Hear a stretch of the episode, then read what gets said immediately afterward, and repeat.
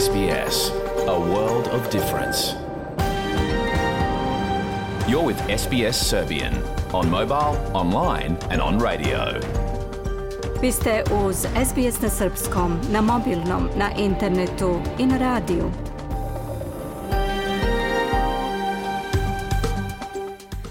SBS odaje priznanje tradicionalnim vlasnicima zemlje sa koje danas emitujemo program na srpskom. Ovim izražavamo poštovanje prema narodu u i Vojvurung, pripadnicima nacije Kulin i njihovim prošlim i sadašnjim starešinama. Također odajemo priznanje tradicionalnim vlasnicima zemlji za svih aboriđinskih naroda i naroda sa ostrva iz Toresovog Moreuza, na čijoj zemlji slušate program.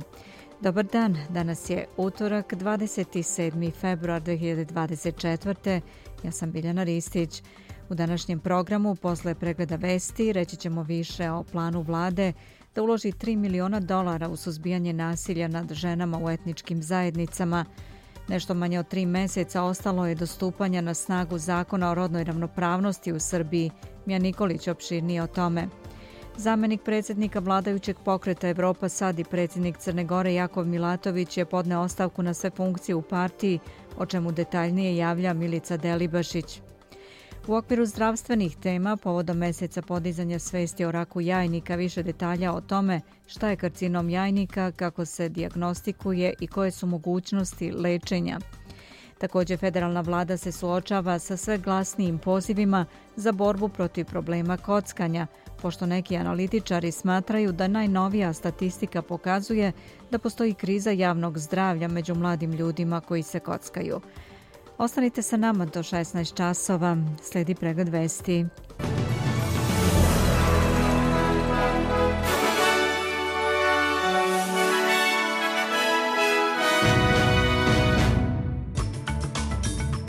Bivši premijer Scott Morrison održao oproštajni govor u predstavničkom domu parlamenta, završio 16-godišnju političku karijeru. Mađarski parlament u ponedeljak ratifikovao protokol o pristupanju Švedske NATO-u. U Londonu održan investicioni summit za Zapadni Balkan.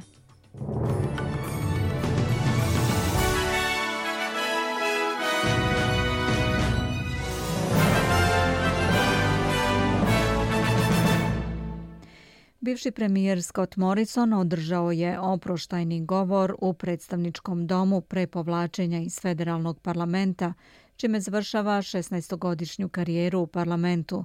On je između ostalog rekao da je ponosan na nasljeđe koje ostavlja, uključujući način na koji je odgovorio na pandemiju kao premijer. Our plan was not just about saving lives, but to save livelihoods as well. Naš plan nije bio usmeren samo na spasavanje života, već i na spasavanje onoga što omogućava nastavak života, a to je postignuto spajanjem Australije sa jednom od najjačih ekonomija tokom COVID-a. Naš istorijski ekonomski odgovor je održao poslovanje 700.000 preduzeća, zadržao je više od miliona australijanaca na poslu. i uprkos ovim nepredviđenim izdacima, Australija je bila jedna od samo devet zemalja koje su zadržale kreditni rating na trostruko A. Naš odgovor je bio blagovremen, bio je ciljan i mi smo odgovorno preduzeli odgovarajuće mere čim je bilo mudro da to uradimo. On kaže da je upravljanje ekonomijom i dalje ključni izazov. Looking forward, we must be careful not to reinstitutionalize our economy U budućnosti moramo biti oprezni da ne reinstitucionalizujemo našu ekonomiju. Takav pristup će samo poništiti kapacitete koje imamo kao nacija i ostavit će nas ranjivim pred novim pretnjama našem suverenitetu. Tokom mog boravka na ovom mestu, posebno kao premijer, videli smo kraj post-hladnoratovskog perioda globalizacije i pojavu nove ere strateške konkurencije u kojoj se naš globalni poredak zasnovan na pravilima dovodi u pitanje novom osovinom autokratije Pyongyang, Peking, Teheran i Moskva. Rekao je Morrison koji je još u januaru najavio da će se u februaru povući iz politike radi posla u korporativnom sektoru. Premijer Anthony Albanizi također je bio prisutan tokom Morrisonovog oproštajnog govora.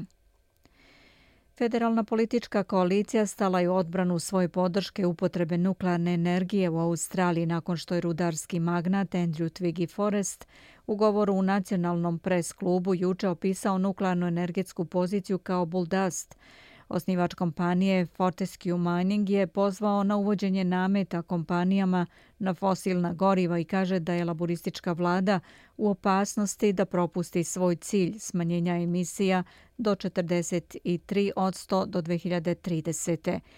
Koalicija tek treba da definiše svoju energetsku politiku, ali se očekuje da će ponovo otvoriti debatu o upotrebi nuklearne energije u Australiji. Senatorka Bridget McKenzie branila je stav koalicije rekavši da su svi na putu do nulte emisije do 2050. Ove nedelje smo videli da nuklearnu energiju favorizuju posebno mladi ljudi. Naše zemlje, zemlje G20 širom sveta koriste je da dopune svoju proizvodnju energije iz obnovljivih izvora i gasa i moramo da koristimo sve moguće na raspolaganju da bismo imali budućnost u kojoj ćemo dostići priuštivu nisku emisiju, rekla je ona.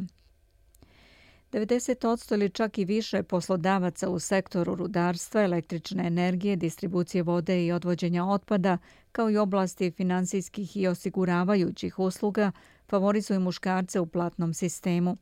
Agencija za rodnu ravnopravnost na ravnom mestu objavila je srednju razliku u platama polova sa skoro 5000 australijskih poslodavaca u privatnom sektoru koji zapošljavaju 100 i više radnika – Polovina beleži jaz veći od 9,1 od 100, dok je nacionalni prosek 21,7, što je ekvivalentno tome da žene zarađuju oko 26.400 dolara manje od muškaraca godišnje.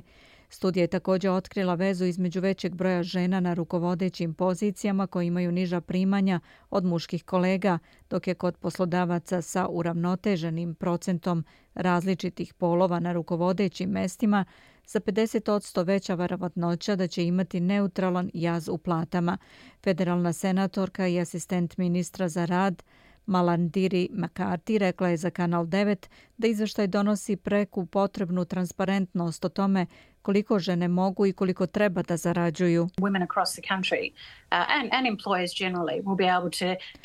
žene širom zemlje i poslodavci uopšte moći će da prate napredak i mislim da ovo jeste put kojim idemo kao nacija borba da žene dobiju poštovanje na radnom mestu, ali svakako i to da se oseti na njihovoj plati. Osiguravajuća kompanija Suncorp je okrivila značajne troškove reosiguranja, prirodne katastrofe i tekuće inflatorne pritiske za veće potrošačke cene. Kompanija je ostvarila polugodišnji profit od 582 miliona dolara uz povećanje premije osiguranja od 16,3 od 100. Taj rezultat je u velikoj meri u skladu sa čitanjem indeksa potrošačkih cena za decembar koji ističe najveći godišnji porast premija osiguranja od 2001.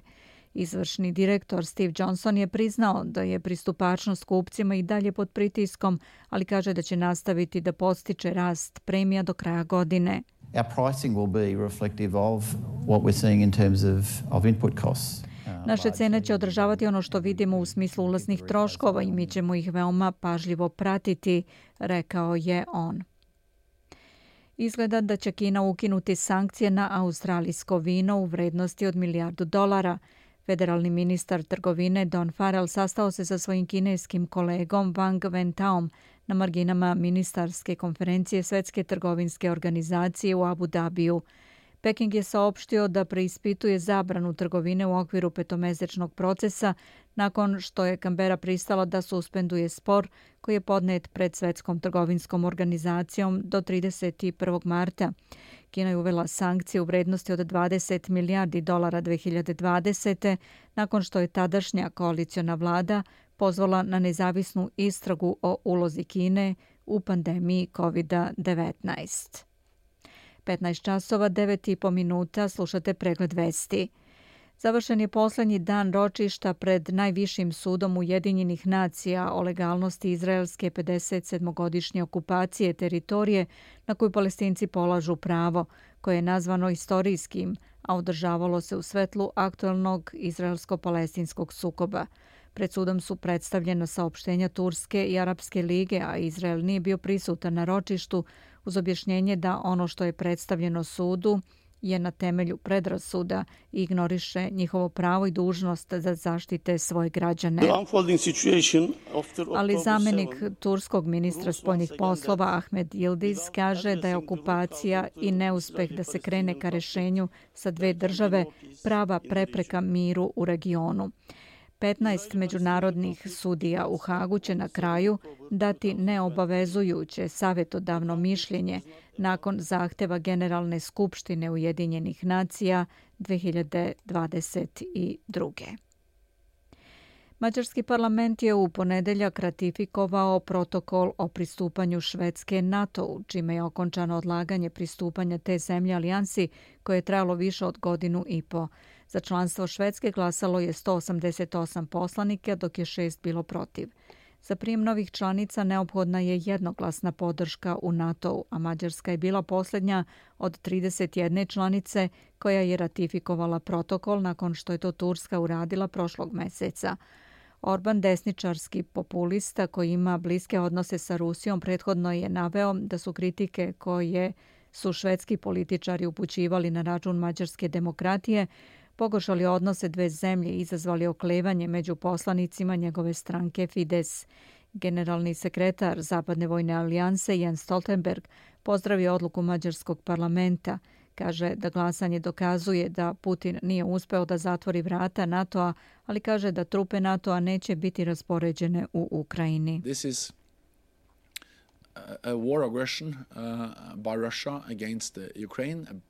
Ovo je agresija Rusije protiv Ukrajine i očigledno kršenje međunarodnog prava. Prema međunarodnom pravu Ukrajina naravno ima pravo na samo odbranu, a mi imamo pravo da ih podržimo u održavanju tog prava. To je upravo ono što NATO saveznici rade i što će nastaviti da rade, rekao je on. U Londonu je održan investicioni summit za Zapadni Balkan. Domaćin je bila Evropska banka za obnovu i razvoj, a gosti su bili lideri Zapadnog Balkana koji su predstavljali mogućnosti koje nude potencijalnim investitorima. Premijerka Ana Brnabić poručila je da se Srbija značajno promenila u protekloj deceniji i predstavila plan za razvoj do 2027. i neke od projekata koji će biti završeni pre izložbe Expo 2027. Korišćenje stranih fondova nije bezuslovno, čulo se na samitu.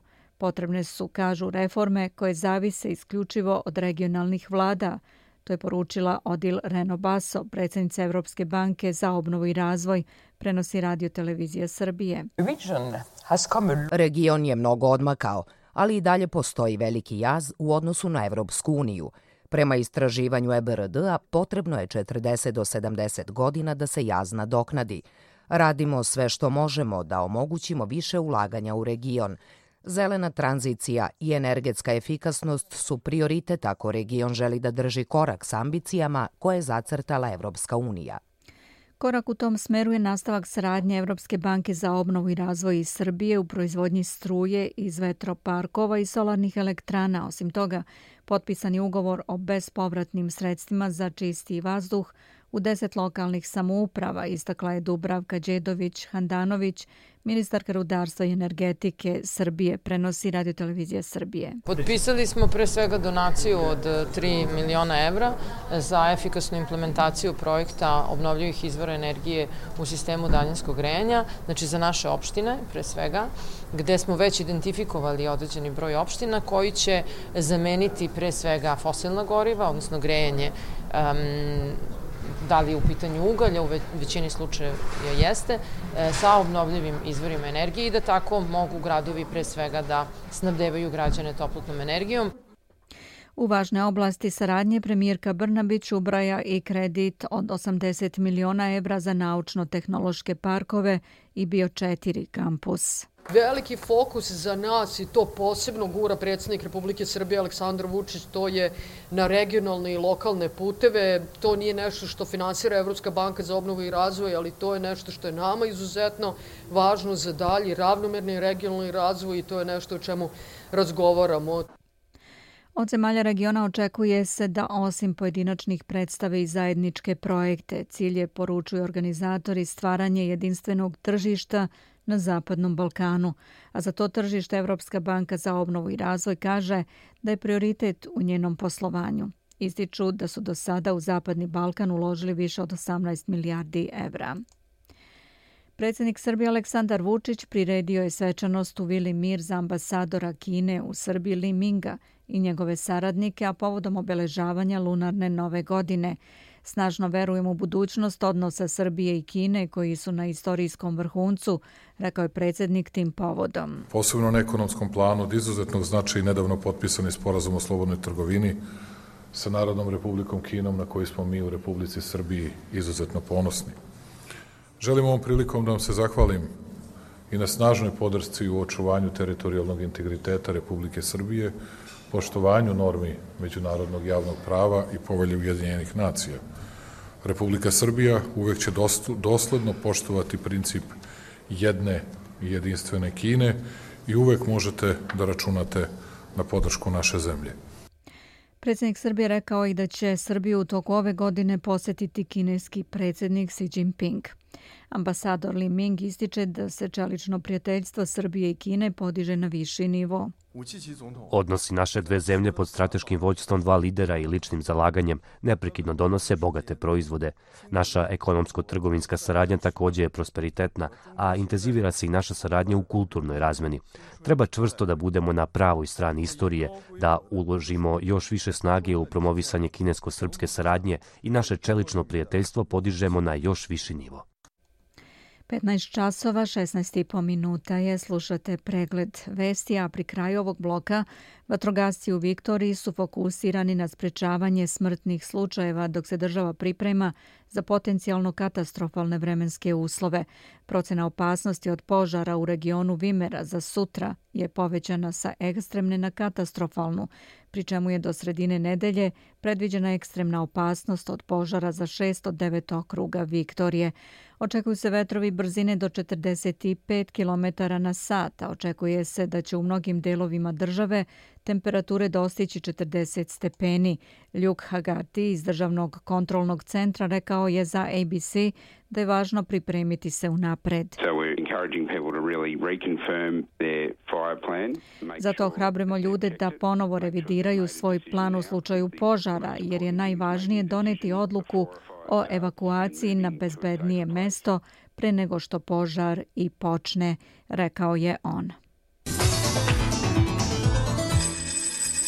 Da pogledamo i kolika je vrednost australijskog dolara danas. Prema američkom dolaru vredi 65 centi, 60 euro centi, 52 britanska penija i 70 srpskih dinara, 58 para. Ukratko iz sporta, Branko Cvetojević. Košarkaška reprezentacija Srbije napravila je veliki korak ka plasmanu na Evropsko prvenstvo 2025. pošto je u drugom kolu kvalifikacija pobedila Gruziju sa 76-63. U utakmici odigranoj u Tbilisiju Srbija je već u prvoj četvrtini stekla prednost koju nije ispuštala do kraja. Najefikasniji u timu selektora Pešića bili su Marko Gudurić sa 16 i Vanja Marinković sa 15 poena, dok su odličnu partiju pružili i Filip Petrušev i Aleksa Avramović.